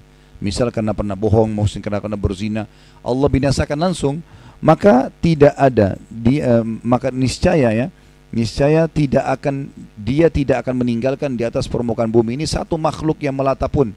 Pasti mati semua. Akan tetapi Allah menangguhkan penyiksaan mereka sampai waktu tertentu. Maka apabila datang ajal mereka maka sesungguhnya Allah adalah maha melihat keadaan hamba-hambanya artinya nanti kalau pas mati mereka akan tahu semua tidak ada teman-teman sekarang kalau ada yang menzalimi antum tidak usah khawatir Tunggu tunggu waktu saja. Tunggu waktu saja dan jangan balas kebodohan dengan kebodohan. Jangan dia gunjing kita gunjing, dia dihukum kita dihukum. Dia fitnah kita fitnah nggak usah balas kebodohan dengan kebodohan. Balas kebodohan dengan kepintaran dan kecerdasan. Jangan kita balas dengan itu semua, gitu kan. Kembali kepada hadis kita dan ini tadi sebenarnya untuk menjelaskan masalah fakta ketauhidan Allah dalam penciptaan. Nah, dan kita tidak butuh Tuhan selain Allah. Kita masuk ke hadis kita hadis ke-12 dari Abi Dzar dan ini sanadnya sahih dari Abi Dzar Abu Dzar radhiyallahu anhu dia menuturkan Rasulullah SAW bersabda Allah yang maha suci dan maha tinggi berfirman hadis qudsi kan Man jaa bil hasanati falahu asyru amsalha wa azid bis sayyi'ati fajazaohu sayyi'atun mithluha aw agfir wa man taqarraba minni shibran taqarrabtu minhu dhira'an ومن تقرب مني ذراعا تقربت منه باعا. ومن آتا ومن آتاني يمشي أتيته هرولة. ومن لكي لكيني بقراب الأرض خطيئة لا يشرك بي لا يشرك بي شيئا لكيته بمثلها مغفرة. Siapa pun yang melakukan kebaikan kata Allah yang Maha Suci dan Maha Pemurah maka dia mendapatkan sepuluh kali lipat dan aku akan tambah lagi Siapa yang buat ibadah apa pun ikhlas karena aku, aku akan kasih dia pahalanya plus 10 kali lipatnya. Sebaliknya, siapa yang melakukan keburukan atau kejahatan, maksiat, maka balasannya adalah keburukan yang semisalnya saja. Jadi kalau dia buat dosa ya satu dosa. Dia buat pahala 10 kali lipat. Atau bisa saja aku ampuni. Siapa yang mendekatkan diri kepadaku sejengkal, aku akan mendekat kepadanya sehasta. Satu jengkal saja, maksudnya ibadah sedikit saja. Bapak Ibu sedikit saja coba mulai sekarang komitmen azan ke masjid. Sedikit ibadah kita kerjakan, satu jengkal aku dekatkan diri kepadanya dengan sehasta. Artinya satu siku, gitu kan. Allah lebih dekatkan diri kepada kita. Dan siapa yang mendekatkan diri dan uh, dan siapa yang mendekatkan kepada diri kepadaku sehasta, aku akan mendekat kepadanya sedepah, selengan. Siapa yang datang kepadaku berjalan, maka aku akan datang kepadanya dengan berjalan cepat. Siapa yang menemuiku dengan membawa dosa sepenuh bumi tanpa menyekutukanku dengan sesuatu pun, maka aku pun menemuinya dengan pengampunan sepenuh itu pula. Hadis ini diriwayatkan Imam Muslim, Ahmad dan Ibnu Majah. Seberat apa pun dosa yang kita kerjakan, Allah akan datangkan pengampunan sebesar itu. Asal jangan syirik. Jangan syirik. Syirik ini berat menyekutukan Allah tadi menganggap ada kekuatan-kekuatan kuburan lah, api lah, segala macam. Tauhid mengesahkan Allah. Seperti biasa, pelajaran-pelajaran yang kita ambil dari hadis. Yang pertama adalah dari hadis ini bagaimana kemahamurahannya sang pencipta Allah karena berbuat ibadah satu dibalas sepuluh kali lipat, bahkan bisa lebih. Kemahamurahannya sang pencipta Allah karena kebaikan satu dibalas minimal 10 kali lipat. Kalau dalam hadis lain, ya, kata Nabi SAW, Allah berfirman, amal ibadah anak Adam ya, yang dikerjakan sudah ditentukan kadar pahalanya 10 sampai 700 kali lipat. Tergantung kadar keikhlasan Bapak Ibu sekalian. Makanya juga saya bilang untuk meraih pahala-pahala ekstra, gunakan adab dan tata kerama dalam ibadah. Saya pernah jelaskan kalau kita bangun sholat malam, bangun kaget jam 3, udah deh saya langsung uduk langsung sholat dengan pakaiannya itu. Biasa saja badannya juga biasa tidak segar cuma uduk sholat. Dapat pahala sholat dapat. Bisa ekstra. Gimana caranya? Memang dari awal kita nggak begadang kemudian diniatkan dari sebelum tidur ya itu kan niat semua dapat pahala kemudian bangun malam mandi dulu pakai baju yang bersih sejarah yang dikasih minyak wangi, pilih surah-surah yang mau dibaca, itu kemasan ekstra pahala. Makanya dia berbeda, bisa 10 kali lipat, bisa sampai 700 kali lipat, tergantung. Kita mau sodokah, kantong sebelah kanan saya mau uang untuk sodokah. Cari uang yang baru semuanya. Sebelah kiri yang kita mau pakai belanja. Dari luar, sebelum keluar rumah sudah niatin. Beda dengan orang kebetulan di jalan ketemu fakir miskin lalu korek kantongnya yang ada itu yang dikasih. Beda, dari awal ini diprogramin. Ada kemasan ibadahnya, gitu kan? Kalau ada perintah boleh kita kemas seperti itu, malah ada ekstra pahala. Ada ekstra. Makanya para sahabat kalau mau melakukan idul kurban di idul adha, mereka kalau mau berkurban, itu mereka beli dombanya enam bulan sebelumnya, sengaja digebukin. Digemukin dulu. Jadi pada saat tiba idul adha, baru disembeli. Karena ingin memberikan yang terbaik sama Allah. Sampai seperti itu. Ya. Jadi ada ekstra pahala yang didapatkan. Gitu. Ya. Termasuk kita tidak ingin tanda kutip di sini terkalahkan oleh muslim yang lain dalam peluang mendapatkan pahala yang besar. Selalu ingin di saat pertama kalau sholat, selalu ingin tidak meninggalkan puasa, selalu ingin bersodokah setiap hari. Dia selalu ingin yang terbaik yang dia dapatkan. Maka itu sebuah prestasi yang luar biasa. Sehingga jadi program hidupnya kan.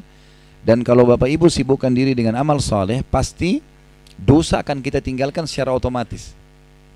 Otomatis kalau kita sibuk. Kayak sekarang orang lagi duduk majelis ilmu begini, ya sudah, dia sibuk dengan ini dan nggak mungkin bersatu dengan dosanya gitu kan maka dengan sibukkan diri e, e, menyibukkan diri dengan amal soleh maka akan membuat kita jauh dari maksiat maka rahmat Allah datang terus itu momen yang itu itu pelajaran yang pertama bahwasanya rahmat Allah luas dan setiap amal seorang muslim satu kebaikan dibalas 10 kali lipat dan bisa lebih sampai 700 kali lipat tergantung kadar keikhlasannya. Kemudian pelajaran yang kedua adalah Allah akan mengampuni dosa. Jadi kita beda dengan pemahaman eh, orang-orang yang menganggap kalau buat dosa maka tidak akan dimaafkan. Ya. Ada sebagian begitu ya, seperti uh, pemahaman Mu'tazilah namanya. mengaku Islam, tapi mereka menganggap orang kalau buat dosa besar tidak akan diampuni sama Allah. Bahkan nanti tidak masuk surga, tidak masuk neraka. Lalu di mana ini? Tapi seperti itu pemahamannya. Dan ingat, setiap kali teman-teman terjerumus dalam dosa, yang harus dilakukan adalah penyelamatan. Bukan makin terjerumus nih. Kita minum, ada rasa nggak enak, mungkin sudah basi. Solusinya jangan habisin. Hah? Tapi berhenti. Kan itu. Ada orang minum khamr, ah nanggung. Sekalian. Tak bisa. Terlanjur booking kamar hotel, ah sudah terlanjur, zina aja dulu, nggak bisa. Kalau dosa berhenti, solusinya itu. Karena dosa itu seperti orang yang mau masuk ke jurang. Kalau sudah dekat dengan jurang, supaya tidak jatuh apa yang kita lakukan? Berhenti, tinggalkan jurang itu. Jangan coba-coba kaki saya jatuh nggak sih? Hah? Kalau jatuh susah. Bisa mati ataupun kalau hidup harus keluar dan mendaki.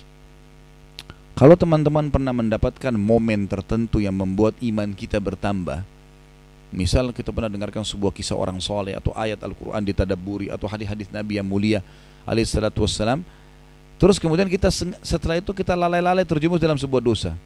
Untuk kembali ke level iman yang pertama, itu butuh momen yang lebih kuat dari yang pertama. Nggak bisa lagi.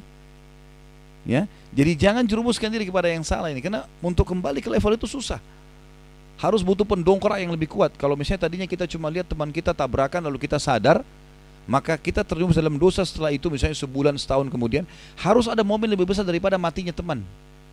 Baru bisa kita kembali ke iman yang pertama. Belum kita bicara level yang di atasnya. Makanya jangan jerumuskan ke situ dan kaidah ahli sunnah wal jamaah berkata iman itu bertambah dengan ketaatan berkurang dengan kemaksiatan. Jadi kalau mau level imannya tetap bertambah amal soleh terus istiqomah, tidak usah peduli dengan perkataan orang. Kamu alim ya, kamu pintar ya, iya deh iya nggak apa-apa. Ngomong aja terserah. Saya nggak pusing. Ngapain mau terganggu dengan bicaranya orang? Nah, ada satu orang kemarin umroh dengan saya, subhanallah. Semoga Allah terima tobat beliau. Dia sampai nangis dengan saya. Saya tobat Ustaz saya begini. Diceritain lah banyak pekerjaan dia di Indonesia yang luar biasa gitu. Dia bilang gara-gara saya sudah tidak mau terima lagi duit-duit haram ini, maka saya dimusuhin di kantor gitu. Dimusuhin semua orang sampai dikatakan lu so alim lo inilah segala macam dengan bahasa yang aneh-aneh. Apa yang saya harus lakukan? Saya bilang istiqomah. Tidak usah peduli dengan perkataan mereka. Biarin mereka bicara sama tembok, nggak apa-apa. Tidak usah peduli. Kalau tidak nanti akhirnya jadi masalah. Saya bertahan, tidak bertahan dengan kejujuran. Bertahan dengan kejujuran, tidak apa-apa. Biarkan keberadaan anda di situ menjadi penyebab mereka takut berbuat dosa, nggak apa-apa. Gitu. Biarin. Sampai nanti dikeluarin, dikeluarin tidak apa-apa. Berarti sudah kuasa Allah. Gitu. Alhamdulillah akhirnya dia janji untuk istiqomah. Dia juga ibadah kemarin merasa nyaman dan seterusnya. Memang harus begitu. Kita harus istiqomah teman-teman. Karena sekali lagi, untuk kembali ke level iman yang pertama sulit itu kalau kita sudah terlanjur tinggalkan. Makanya berhenti. Kalau sudah ada ajakan kita mulai terpengaruh, enggak berhenti, tutup.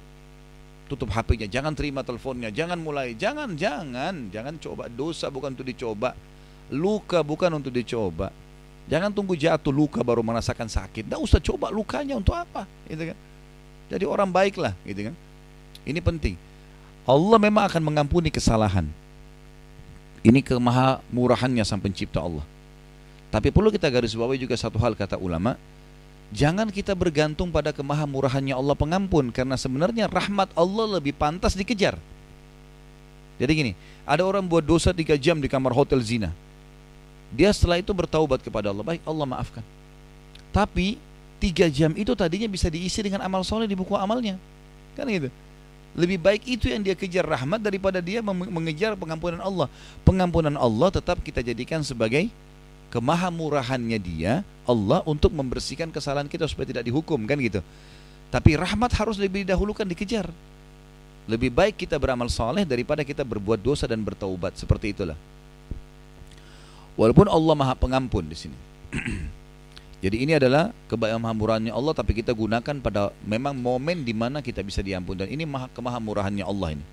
Karena kita 70 tahun pun berzina terus, kalau Allah masih panjangkan umur hari pertama tahun 71 taubat dimaafkan oleh Allah. Cuma masalahnya 70 tahun bersih dari bersih dari pahala. Kalau orang tidak sholat, tidak segala macam, tidak puasa, dia tobat, Allah maafkan. Tapi beda dengan orang yang sudah 70 tahun lalu sholat, puasa segala macam, beda dong. Gimana bisa disamain? Gak mungkin.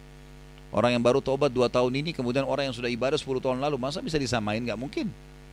Kuasa Allah, kecuali yang 10 tahun itu tidak ikhlas, lain. Tapi secara hitung-hitungan gak mungkin sama. Tapi jangan membuat kita putus asa tentunya. Karena Alhamdulillah Allah masih selamatkan kita. Kalau tidak akan jadi masalah. Pelajaran yang selanjutnya ya, adalah setiap kali ada seorang mukmin berusaha mendekatkan diri kepada Allah, maka dia akan merasakan kedekatan Allah padanya. Makna hadis sejengkal dibalas dengan sehasta-sehasta dengan sedepah. Kalau berjalan maka saya akan berjalan cepat padanya. Maksudnya adalah sedikit saja upaya kita berusaha mendekatkan diri, kita akan rasakan itu.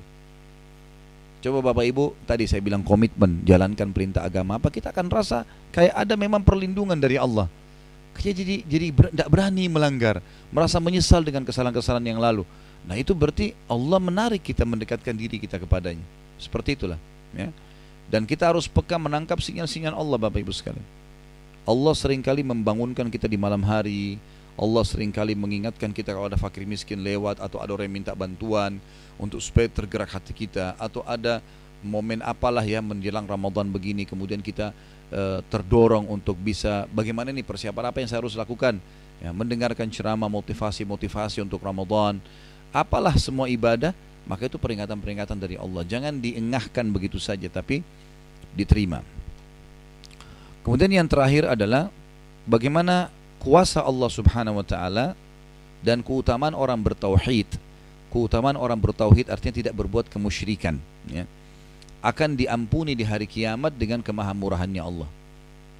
Jadi makna hadis di sini adalah walaupun dia datang dengan membawa dosa sepenuh bumi, selama tidak berbuat musyrik kepada Allah, maka aku akan memaafkannya. Mendatangkan pengampunan sebanyak itu pula. Makanya jangan dicoreng, jangan buat kemusyrikan. Ya.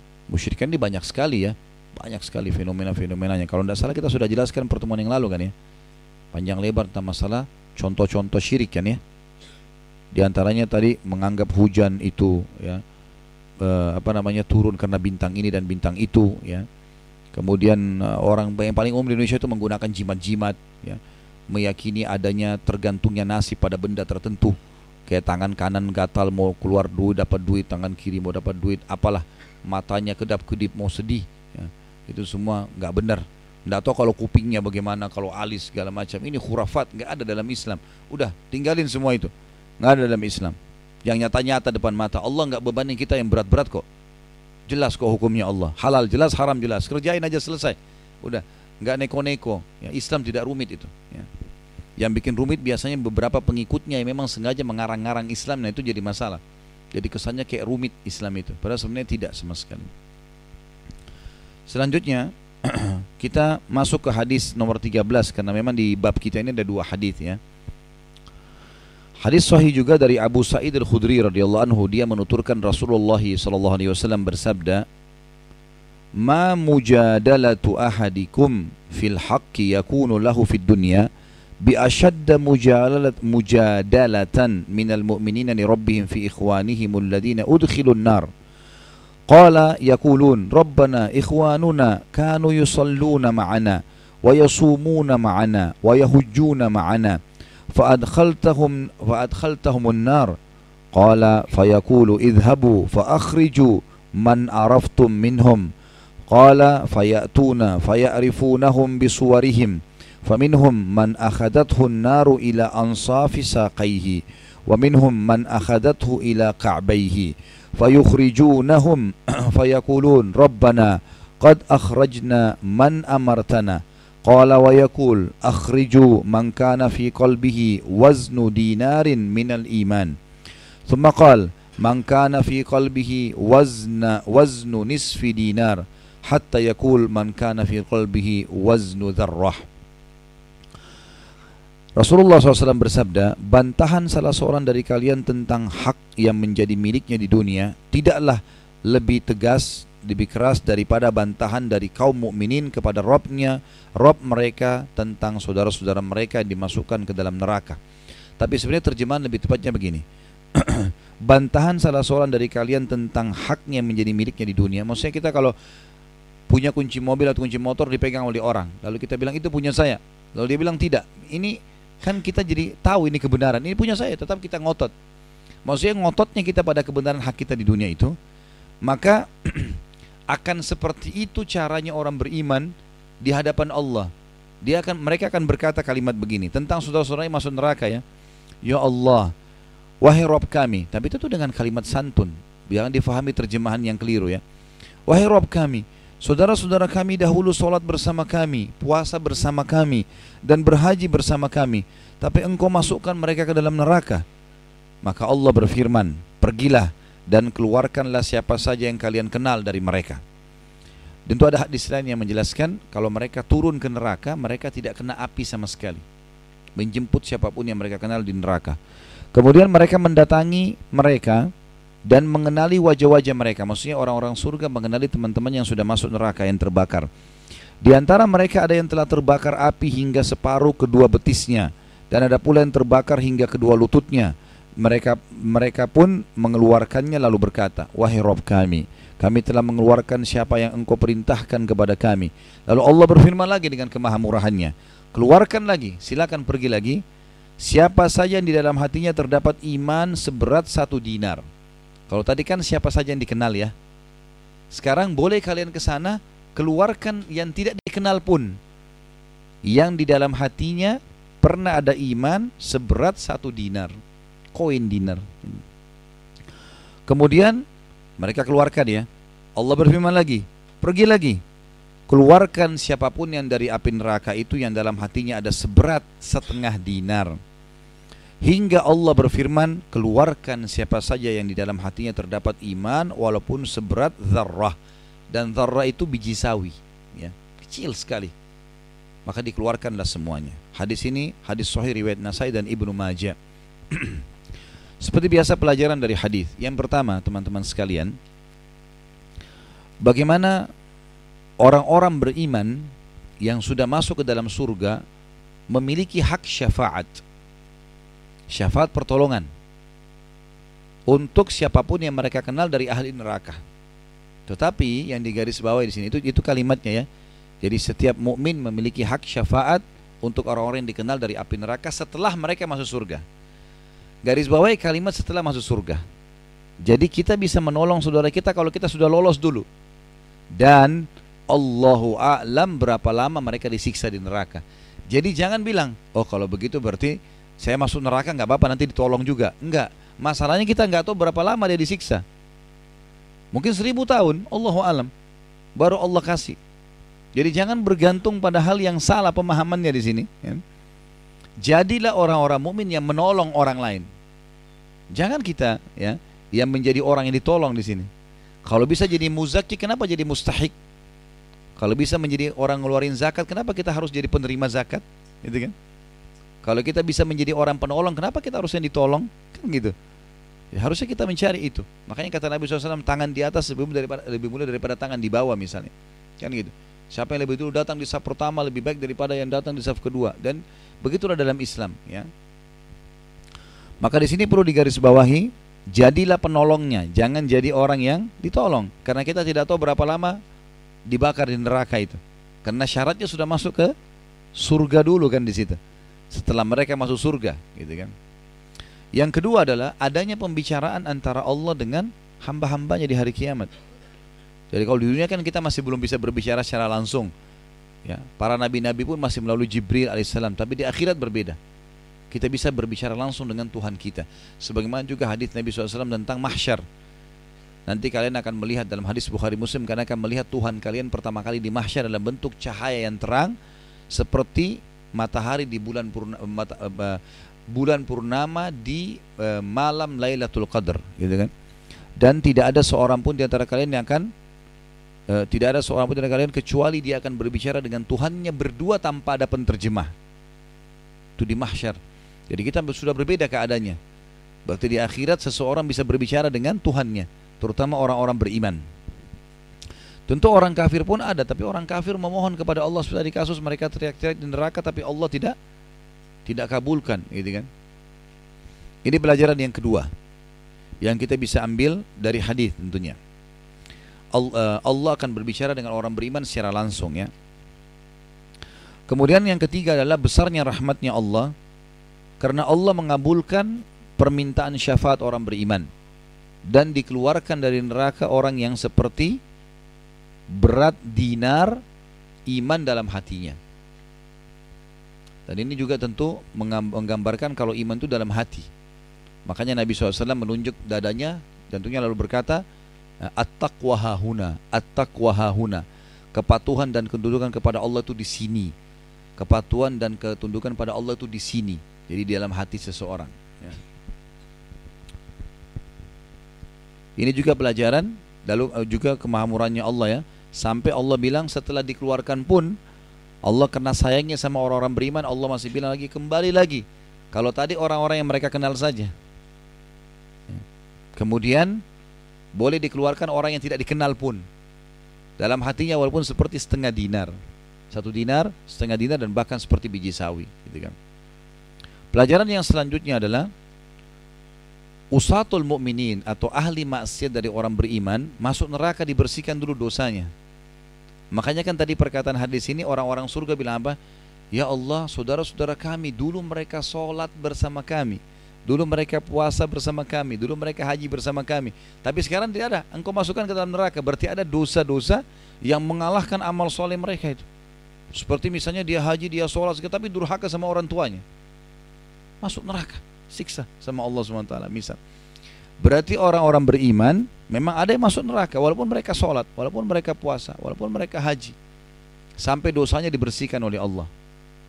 Dan itu keyakinan ahli sunnah wal jamaah tentang masalah adanya usatul mukminin orang-orang beriman akan ada masuk ke neraka tapi nanti dikeluarkan baik dengan syafaat orang beriman atau memang karena sudah bersih dosa-dosa mereka. Ada hadis lain yang berbunyi teman-teman sekalian, Rasulullah SAW nanti kalau sudah masuk surga bersama orang beriman lalu Rasulullah berkata Sallallahu Alaihi Wasallam Ya Allah umatku umatku lalu kata Allah SWT Hai Muhammad pergilah ke neraka keluarkan dari umatmu yang memiliki seperti ya, apa namanya eh, seperti dinar dari keimanan. Maka Nabi SAW pun pergi mengeluarkan mereka. Lalu Nabi SAW masih mengatakan umatku ya Allah. Maka Allah mengatakan pergilah ambillah seperti setengah dinar keluarkan. Kemudian yang ketiga, Nabi SAW masih mengatakan umatku ya Rasul, ya Allah masih ada orang di neraka nih masih banyak umat Islam yang masuk neraka. Lalu Nabi SAW disuruh oleh Allah keluarkan walaupun seperti biji sawi dari keimanan, gitu kan? Kemudian eh, Nabi SAW mengatakan lalu mereka akan dibawa oleh para malaikat menuju ke sebuah sungai di dekat surga, dikenal dengan sungai kehidupan. Lalu dilemparilah, dilemparkanlah mereka ke sana. Riwayat lain mengatakan ahli surga akan membersihkan mereka dengan air sungai kehidupan itu. Maka mereka tumbuh kembali dari hangus, dari bolong-bolongnya badannya, luka-luka segala macam. Mereka akan tumbuh seperti tumbuhnya tanaman di aliran air. Bukankah kalian lihat warnanya kuning, hijau dan masih lemah? Kuning kehijauan yang masih lemah, begitulah keadaan mereka. Lalu mereka pun mendapatkan julukan Juhannamiyin. Artinya orang yang pernah lewat neraka jahanam, gitu kan? Lalu kemudian Allah SWT mengatakan gantilah gelar mereka dari Juhannamin menjadi Utaqa'ur Rahman. Orang-orang yang dibebaskan oleh zat yang maha pemurah, ya, maha pengasih. Seperti itulah. Jadi memang ada proses ini, ada orang beriman yang masuk ke dalam neraka untuk membersihkan dosanya. Tentu kita harapannya teman-teman jangan ya. Perbanyak taubat dan istighfar. Perbanyak amal soleh, jauhi ria. Jangan kena mau dipuji dan pamer. Sembunyikan semua amal soleh kita supaya bisa maksimal. Karena juga ada orang hari kiamat masuk surga tanpa hisap walaupun mereka bukan nabi-nabi. Bahkan ada yang bisa memberikan syafaat sangat banyak sebagaimana sabda Nabi SAW akan ada dari umatku yang bisa memberikan syafaat orang Islam yang lain sejumlah suku mudor. Suku mudor itu jutaan orang. Suku mudor ini salah satu suku induk Arab yang besar. Jutaan orang jumlahnya gitu kan. Kata Nabi SAW akan ada umatku nanti karena banyaknya amal solehnya, taatnya kepada Allah, dia bisa menolong sampai seperti suku mudar. Ada orang cuma bisa nolong satu orang, ada yang dua orang, ada tergantung dari kuasa Allah yang berikan untuk amal dia yang banyak. Tapi ada orang karena kesolehannya dia bisa selamatkan sampai sekian banyak orang gitu, ya, sampai sekian banyak orang. Makanya para sahabat juga kalau mereka pergi jihad mereka saling berwasiat. Nanti kalau saya mati duluan, saya akan berikan kau syafaatku. Kalau kau mati duluan, maka kau akan berikan aku syafaatmu. Mereka saling mewasiatkan dengan itu. Karena kuatnya keyakinannya berhubungan dengan masalah kehidupan akhirat. Jadi nggak boleh ada keraguan dalam masalah ini. Memang momen hidup kita ya sudah untuk sana. Gitu. Seperti itulah. Allahu alam. Mungkin begitu saja. Subhanakallahumma bihamdika asyhadu an la ilaha illa anta astaghfiruka wa atubu ilaik. Wassalamualaikum warahmatullahi wabarakatuh.